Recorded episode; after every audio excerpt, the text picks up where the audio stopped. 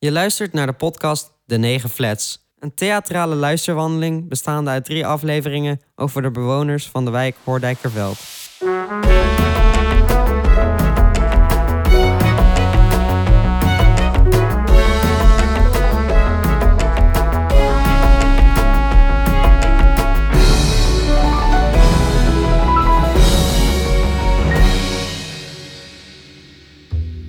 Een wijk met een singel, een fontein. Een wijk van dijken, van groen en van flats. Een plek van ons kent ons. Van kinderen op skielers en mensen op wielen. Fietsen, trolleys, rolstoelen, scootmobielen. De wijk van jonge gezinnen die pas zijn komen wonen. De wijk van de allereerste bewoners die de buurt het beste kennen. De plek waar het niet vanzelfsprekend is dat je de dag met een ontbijt begint de wijk van buurtfeesten en saamhorigheid. Van s'avonds niet alleen over straat en jongeren die soms messen trekken. Een plek waar mensen samenkomen, die soms heel verschillend denken. Samen thuis en allemaal een eigen plek. Groot IJsselmonde Zuid, Hoordijkerveld. Je weet alles van elkaar en je houdt je mond. Aflevering 2. De buurt waar je opgroeit. In deze aflevering luister je naar de verhalen van Mila, Katelijne, Taisha en Timo. We vragen hen naar Groot IJsselmonde Zuid, naar de wijk Hoordijkerveld. De buurt waar zij opgroeien, waar hun school is, waar hun vrienden wonen. Hoe ervaren zij de wijk? Wat zijn hun angsten en dromen? En als ze later groot zijn, blijven ze hier dan wonen? Het is april 2020. We zitten midden in een totale lockdown. De scholen zijn dicht, theaters zijn dicht, huizen van de wijk zijn dicht. We mogen niet reizen, niet samenkomen. We mogen geen baklava meer kopen voor tijdens de repetities in de single. Ja, die baklava gaat nog wel, maar de single is dicht. De repetities zijn voor onbepaalde tijd opgeschort en de Susanna-dijk is leeg op groepjes jongeren na die al voor de lockdown niet wisten wat ze met hun leven moesten. Het wordt steeds grimmiger in de wijk. In oktober 2020, inmiddels zijn er ruim 10.000 COVID-besmettingen per dag en zitten we tegen een tweede totale lockdown aan. Wanda, de moeder van Katelijne, zegt dat Katelijne niet meer alleen buiten mag komen. Het is niet meer leuk om te wonen, zegt Wanda. Als jij Marta ernaar vraagt, zegt ze: Ja, er zijn jongens. Ze hangen rond op de Hunia-dijk voor onze portieken, maar ook binnen. Ze maken er een bende van drugsafval, KFC. En laatst hebben ze een jongen van 16 van zijn scooter beroofd. Die kwam hier om iets te bezorgen. Er is wel aangifte gedaan hoor, en de wijkagent is op de hoogte. Maar ja, die heeft waarschijnlijk ook iets anders te doen. Mensen zijn agressiever.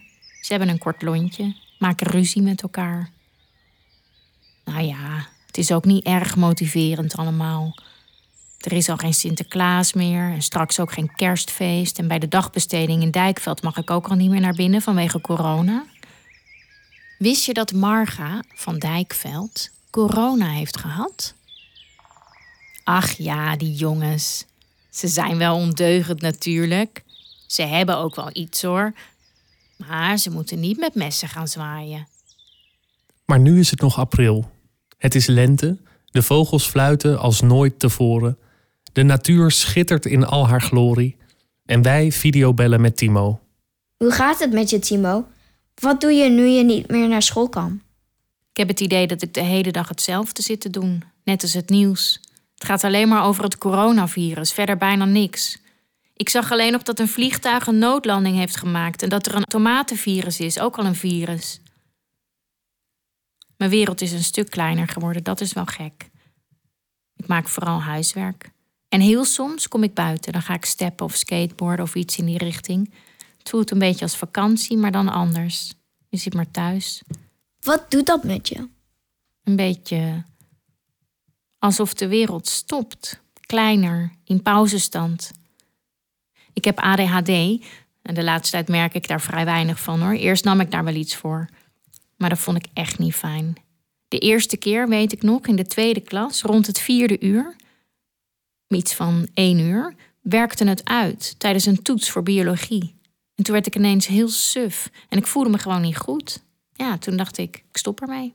Hoewel mijn ouders daar echt anders over dachten hoor. We hebben daar een hele discussie over gehad, maar ik ben ermee gestopt. Misschien had ik anders wel naar een hoger niveau gekund. Maar ja, als iets niet lukt bij mij, dan denk ik daarna vrij positief. Ik weet namelijk echt wel goed als ik iets echt fout heb gedaan. Maar dan is er altijd iets van. Ja, waardoor ik denk dat er altijd nog een volgende keer is waarop ik weer iets anders kan beslissen. Ik weet niet of dit een goede beslissing was, maar ik wist wel dat het een beslissing was die ik wilde nemen. Het afgelopen jaar ben ik ook gestopt met judo. Na tien jaar. En blauwe band. Wit, geel, oranje, groen, blauw en dan nog bruin en zwart. Ik had trouwens ook een bruine slip. En ik dacht, ja, ik moet eigenlijk eens een keer iets anders. Dus ik ben gestopt. Ik ben nog steeds niet aan een andere sport begonnen. Dat is dan wel een beetje mijn probleem. Ach, ik sport nu met mijn vader. Ben gisteren nog geweest. En als ik ooit ruzie zou hebben met iemand, dan zou ik mijn judo zo gebruiken. Ze beet pakken en dan zo over mijn schouder aanklemmen en in de houtgreep gooien. Zo? Vertel eens iets over je gezin. Je vader, je moeder. En mijn vader kennen jullie natuurlijk wel. Hij is een enthousiaste man, hij praat graag. Hij toont vrijwel altijd interesse als je iets vertelt. En dat doet hij ook vaak. Soms iets te vaak. Gisteren nog, toen we gingen hardlopen, zei iemand: Goed bezig hoor. En toen nodigde hij ze gelijk uit om mee te doen. Nou, dat vind ik dan wel overdreven. En mijn moeder. Hmm, hoe ga ik mijn moeder. Hmm, hoe, hoe omschrijf ik haar? ik leef er al mijn hele leven mee, dus toch is het moeilijk. Ehm, dit is echt heel erg, hè? Eh, nou, eh, ze. Wacht even hoor, ik zoek even iets op. Zoek je nou je moeder op het internet? Eh, nee, Ehm, nou. Ze is wel altijd goed begrijpend of zo. Als ik een probleem heb met school bijvoorbeeld. Mijn vader is dan zo van: eh, hoe heb je dat nou voor elkaar gekregen? Maar mijn moeder die heeft wel begrip. Ze blijft kalm. En ze kan goed koken en bakken. Pizza is echt heel lekker. Korst vooral, zo lekker knapperig. En ze maakt hem beter dan in het restaurant. Ik zeg dan altijd: wat heb je lekker gekookt? Mijn vader had laatst vis gemaakt. Die was niet zo goed gelukt. Maar dat zeg ik dan ook. Ik vraag me af hoe dat gaat zijn als ik voor mezelf moet koken. Ik zou een ei kunnen bakken, maar daar hou ik niet van. Ik kan wel een pasta maken of een prakkie. Denk ik. Ik heb het eigenlijk nog nooit gedaan, maar dat zal wel lukken. Ik heb wel eens geholpen. Maar toen ik eindelijk gewend was aan ons gasfornuis, kregen we inductie. Ik zeg je eerlijk, ik heb er nog niet zo over nagedacht of ik op mezelf ga, maar dat is sowieso een beetje een dingetje dat ik over bepaalde dingen eens na zou moeten denken. Het kan best wel zijn dat ik de deur uit ga als ik wat ouder ben, maar de huizenprijzen stijgen nu best wel erg en de huur. Voordat corona heel erg in het nieuws was, ging het daar heel erg over. Ja, daar hoor je nu nog maar weinig van. Maar ja, je hoort nu ook heel erg weinig over Jemen, terwijl daar nog steeds van alles aan de hand is. En dan hoor je dat er een bekend persoon een ongeluk heeft gehad en dan zie je heel veel mensen huilen. Dat snap ik dan wel. Maar dan denk ik ook, waarom doen we dat dan niet bij al die andere mensen? Ja, daar zou je dan toch ook geen onderscheid in moeten maken, toch? Of is dat een gekke gedachte? Geloof je in iets na dit leven? Nee. Ik denk gewoon dat dit het is om heel zuur te zijn. Ik geloof niet in God. Ik denk dan van, ja, als er een God is, laat dan je gezicht zien. Bewijs dan dat je echt bestaat. Zo denk ik dan een beetje. Ik heb dat zelf zo bedacht hoor. Ik had een vriend vroeger, hij was niet heel aardig soms. En toen ben ik een beetje na gaan denken of ik bij bepaalde mensen dingen wel moest geloven. Ik was toen denk ik tien toen ik dat dacht. Ik geloofde toen nog wel in Sinterklaas, ja. Ja, mijn ouders zeiden op een dag: Timo, kom eens zitten. En toen vertelden ze het en ik zei: Oké, ik ga weer verder met mijn leven. ik dacht toen nog wel dat Zwarte Piet zwart moest blijven, omdat het door de schoorsteen kwam. Maar later dacht ik: Nou ja, het kan in elke kleur. Maar ik denk wel dat als je je om dat soort dingen druk gaat maken, wat heb je dan een vervelend leven? En dan maak je je alleen maar druk om dat soort dingen. Waar zou jij de barricade voor opgaan, Timo? Nou, misschien als je vrij wapens zou mogen bezitten. Dan zou ik Rutte wel even laten weten dat hij zijn huiswerk moest doen.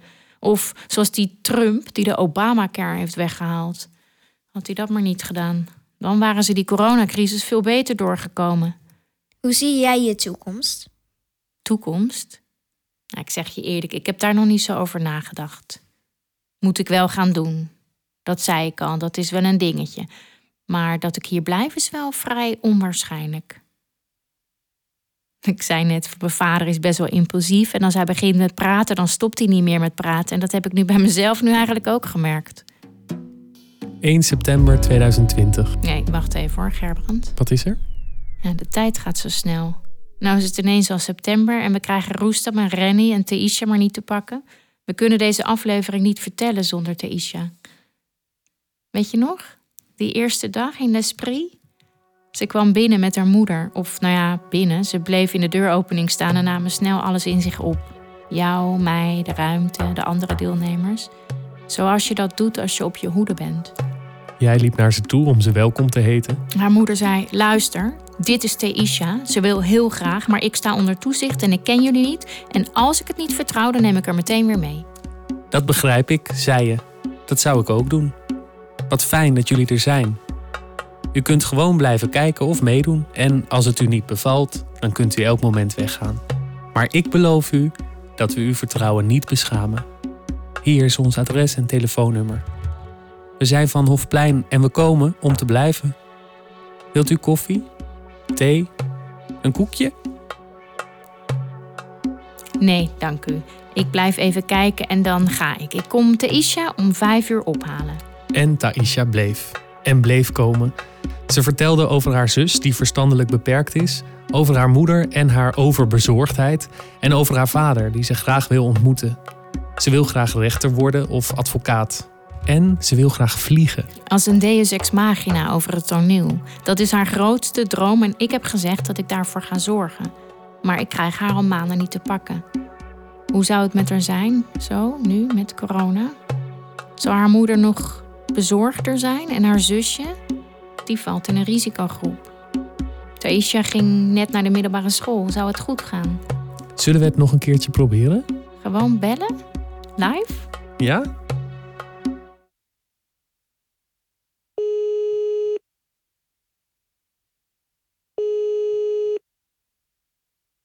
Het is vrijdag 6 november 2020 en we hebben een lezing met de spelers van het script. We komen aan bij dit fragment en we besluiten echt te bellen. En ineens neemt Netta, de moeder van Theisha, op. Met wie? zegt ze eerst. Maar nadat het duidelijk is dat ik het ben van Jeugdtheater Hofplein, raken we in gesprek. Het gaat goed met hen. Ik leg uit dat we Theisha proberen te bereiken en dat we een podcast maken en dat we heel graag willen dat Theisha meedoet en teksten in wil spreken.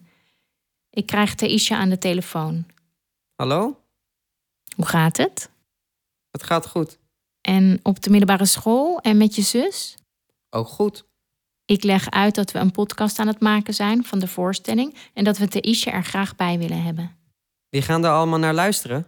We gaan hem online zetten en we verspreiden hem onder zoveel mogelijk mensen. Vind je dat leuk of juist niet? Ik weet het nog niet. We spreken af dat ik haar moeder nog even app wat de bedoeling is. Ik app haar moeder, haar moeder appt terug. Op 1 december appt Taisha's moeder naar Ranjild.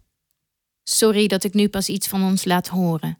We hadden corona toen Theisje bij jullie moest zijn. We mogen morgen pas uit huis. Je schrijft: Wat naar? Zijn jullie oké? We spreken af in contact te blijven, want zodra het kan willen we Theisje er graag weer bij hebben. Wie weet ziet u haar in de toekomst eens als een deus ex machina over het toneel vliegen. 1 september 2020. Mila is inmiddels 10 jaar en woont met haar moeder en broertje in Hoordijkerveld. Ze woont in een van de negen flats, vlakbij Marta. Ze kijken uit op dezelfde binnentuin. Ze is heel enthousiast en haar hoofd associeert zo snel dat we haar soms moeten vragen even diep adem te halen. Zeker als ze in een onoplettend moment alle suikerklontjes uit de suikerpot van Marta heeft opgegeten. Mila praat honderd uit. Over de wijk, over haar dromen, over familie en vrienden. Mila vertelt. Echte vriendinnen voelen als familie aan. Die komen voor je op als je ruzie hebt, zoals laatst. We hadden toen ruzie op het pleintje gekregen. Toen had een jongen mijn broertje geslagen. En toen kwam mijn vriendin dus voor hem op. Ze kent de wijk, dus dan weet je wat je kan zeggen en wat niet. In de vakantie gingen we naar het strand. Naar de KFC en naar Zuidplein en naar Keizerswaard. Heel vaak. We gingen jelly sticks halen. Dat is een veel jelly in een stick en dat moet je dan opzuigen, een soort snoep. Dat kost 35 cent bij de candy shop. Ze hebben heel veel smaken, maar ik neem altijd aardbei, citroenen en bessen. Als je één op hebt, dan moet je wachten tot de smaak weg is. Anders proef je de hele tijd aardbei en dat is zonde van je geld. In de vakantie is het ook wel eens uitverkocht. Volgende week krijgen ze nieuwe soorten. Ik wil eigenlijk niet zeggen met wie ik die altijd koop. Want ik weet niet of ze dat willen. Nou ja, Melissa dus. Ik doe heel veel dingen samen met haar en ik speel trouwens ook met Katelijne. Voor de rest eigenlijk niet. Ja, en de zus van Katelijne. Ik kreeg in de vakantie van iemand iets van 700 tickets in de gamehall. Ze vroegen of ik de tickets wilde en toen zei ik ja, en dank u wel. En toen heb ik die tickets bewaard. Je kan er knuffels mee halen van duizend tickets. En je hebt ook van die grijpdingen, die wil ik heel graag. Ik wilde zo graag een lama voor mijn moeder. Maar die dingen pakken het dan niet. En dan uiteindelijk heb je niks. Ja, of alleen een snoepje. Echt stom. Gelukkig heb ik gewoon mijn tickets nog. En we gingen naar het strand. Daar waar geen kwallen waren. Maar er waren wel heel veel krabben. En toen we midden in het water zaten, kwam er een kwal aangevlogen. Eeuw. En toen zijn we eruit gegaan. Ik heb eerst wel een paar TikToks gemaakt. Mila's moeder reageert. Daarom ga ik de zee niet in. Mijn grootste angst. Meestal altijd maar twee likes maximaal. Bij één video heb ik 20 likes. Ik mag ook niet te veel op TikTok, want er zitten ook rare mensen op. Maar die blokkeer ik. Ze blokkeert gewoon alles uit zichzelf, hè? Ik ben zo trots op haar. Voor haar leeftijd is dat echt slim. Via TikTok spreek ik Thaisia, die heeft het ook. Melissa woont niet zo vlakbij. Wel in Rotterdam. Het is daar rustig. Hier is het soms wel raar. Beetje, beetje. Hier wonen mijn vriendinnen. Daar waar Melissa woont, doet iedereen alles met elkaar. Heel veel saamhorigheid. Vroeger was dat hier ook zo, maar dat is nu niet meer. Ze hebben hier de boel lopen te verbouwen om het leuker te maken voor de kinderen, maar er is nog steeds geen sfeer. En wordt hier alleen maar erger door corona. Mensen hebben geen begrip voor elkaar. Ze vinden zichzelf er het ergst aan toe.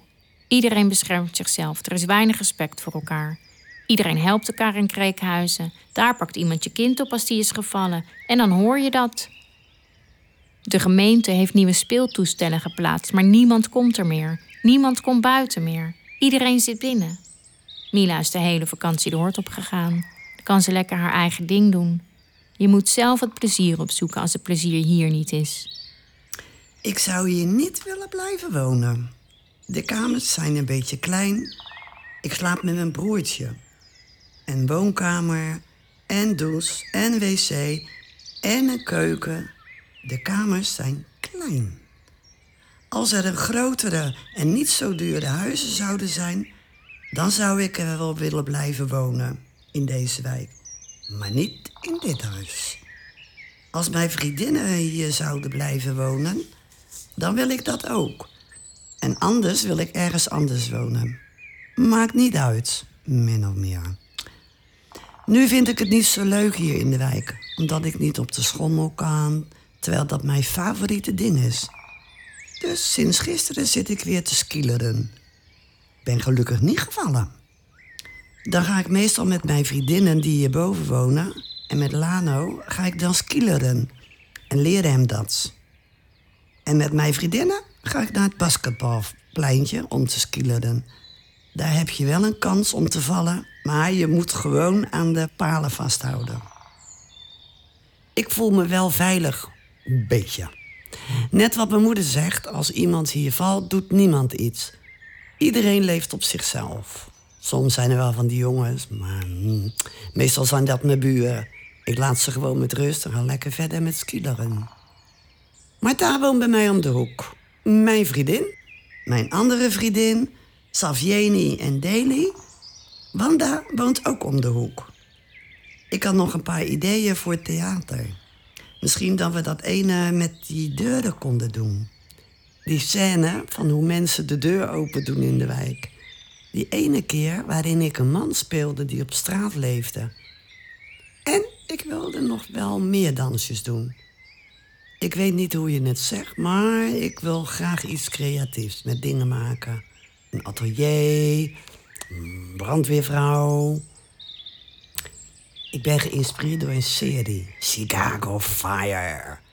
Daarom wil ik brandweervrouw worden, zodat ik mensen kan helpen. Lijkt me eng en ook leuk. Ik weet al best veel van de brandweer, zoals de waterkraan en zuurstofdingen. En dat je de deur niet moet open doen als er vuur is. En dat er een explosie kan komen. Je hebt maar een paar minuten de tijd om iedereen uit het huis te krijgen. Als het goed is, min of meer. En het rook gaat omhoog, maar kan ook laag blijven. Wat zou je meenemen als er brand zou zijn bij jullie? Een kat. Mijn moeder. Mijn broertje. Mijn knuffel die ik al iets van tien jaar heb. Gekregen toen ik vier was. Een teddybeer met een rode strik. Gekregen van mijn moeder. Dus is al 28 jaar oud. Hij heet Noef. Mijn moeder heeft die gekregen van haar vaders werk.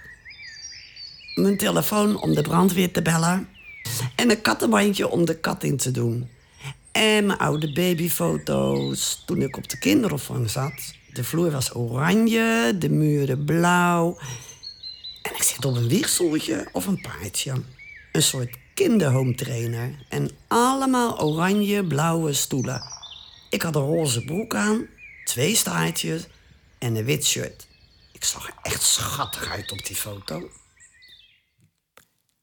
Katelijne, wat teken je? Gewoon wat ik zie. Wat zie je? De huizen, de singel, de tuintjes, de speeltuin, de mensen. Vind je het hier fijn? Als ik later groot ben, zou ik hier wel willen blijven wonen. Ik zou hier niet weg willen, omdat ik. Ik weet niet hoe ik dat moet zeggen. Omdat het, ik het hier leuk vind. Ehm, omdat het hier heel mooi is. En het huis is wel een beetje mooi. De natuur vind ik hier heel mooi. De bomen vind ik mooi. Eerlijk gezegd zou ik niet weg willen zijn. Omdat ik hier al heel lang woon. Ik woon hier al mijn hele leven. Volgens mij ben ik hier ook geboren. Ik heb niet altijd deze kamer gehad. Mijn moeder heeft de grootste kamer. Alleen mijn moeders bed paste eigenlijk niet in de kleine kamer. Dus toen ging mijn moeder weer terug naar haar eigen kamer en ik ook. Vond ik wel een beetje jammer. Daar was het lekker groot. En ik en mama hadden in onze kamer zo'n grote kast. Die staat nu beneden. Het is nu een schoenenkast. Eh, eerst was het een kast met dozen. En daar zat speelgoed in. Ik vind het altijd fijn als dingen in huis veranderen. Dan is het niet hetzelfde, maar een beetje anders. Dat vind ik leuker. Als het steeds zoveel van hetzelfde is, vind ik het saai. En als het dan een beetje verandert, is het weer cool. Misschien is dat ook wel zo als je ergens anders zou gaan wonen. Misschien als we zouden verhuizen, dan wil ik wel een eigen kamer. Want ik deel het nu met mijn zus. Dan heb ik zelf meer ruimte, kan ik doen wat ik wil op mijn kamer. De kamer is klein, maar het valt ook wel mee. Het is een rechthoekige kant. We hebben een stapelbed. Eerlijk gezegd delen we gewoon alles. Er is wel iets veranderd sinds dit laatste gesprek. Katelijne mag niet meer alleen over straat. Het is niet meer zo leuk in de wijk, zegt moeder Wanda. De mensen zijn agressiever, hebben een kort lontje. Corona eist zijn tol, ook in Hoordijkerveld. Waar het niet vanzelfsprekend is dat je de dag met een ontbijt begint. En het soms voelt dat er niet naar je wordt omgekeken. Hoordijkerveld. Je weet alles van elkaar, maar je houdt je mond. U luisterde naar aflevering 2 van de 9 Flats, de buurt waarvoor je hebt gekozen. De volgende keer in de 9 Flats hebben we het over de buurt waar je terecht bent gekomen. Mijn naam is Gerbrand Bos. En mijn naam is Ranjot Rikkelman. Met dank aan Marijn van Engelen voor de soundscape, muziek en techniek. En met dank aan Diana Roos voor productie en Yvonne Roda voor de muzikale begeleiding van Peter met het koor van Dijkveld. Deze podcast is gemaakt in opdracht van Jeugdtheater Hofplein en met dank aan het Prins Bernhard Cultuurfonds. Marta, Edwin, Gerrit, Peter, Yvonne, Ellie en Marga en de deelnemers van de dagbesteding Dijkveld en de single. We hoorden Martha, Timo, Katelijne, Gerbrand en Ranield. De 9 Flats was de start van De Karavaan, een programma waarmee Jeugdtheater Hofplein de wijken intrekt. We hopen dat u weer intuned bij aflevering 3 van de 9 Flats. Heeft u vragen of wilt u een boodschap achterlaten?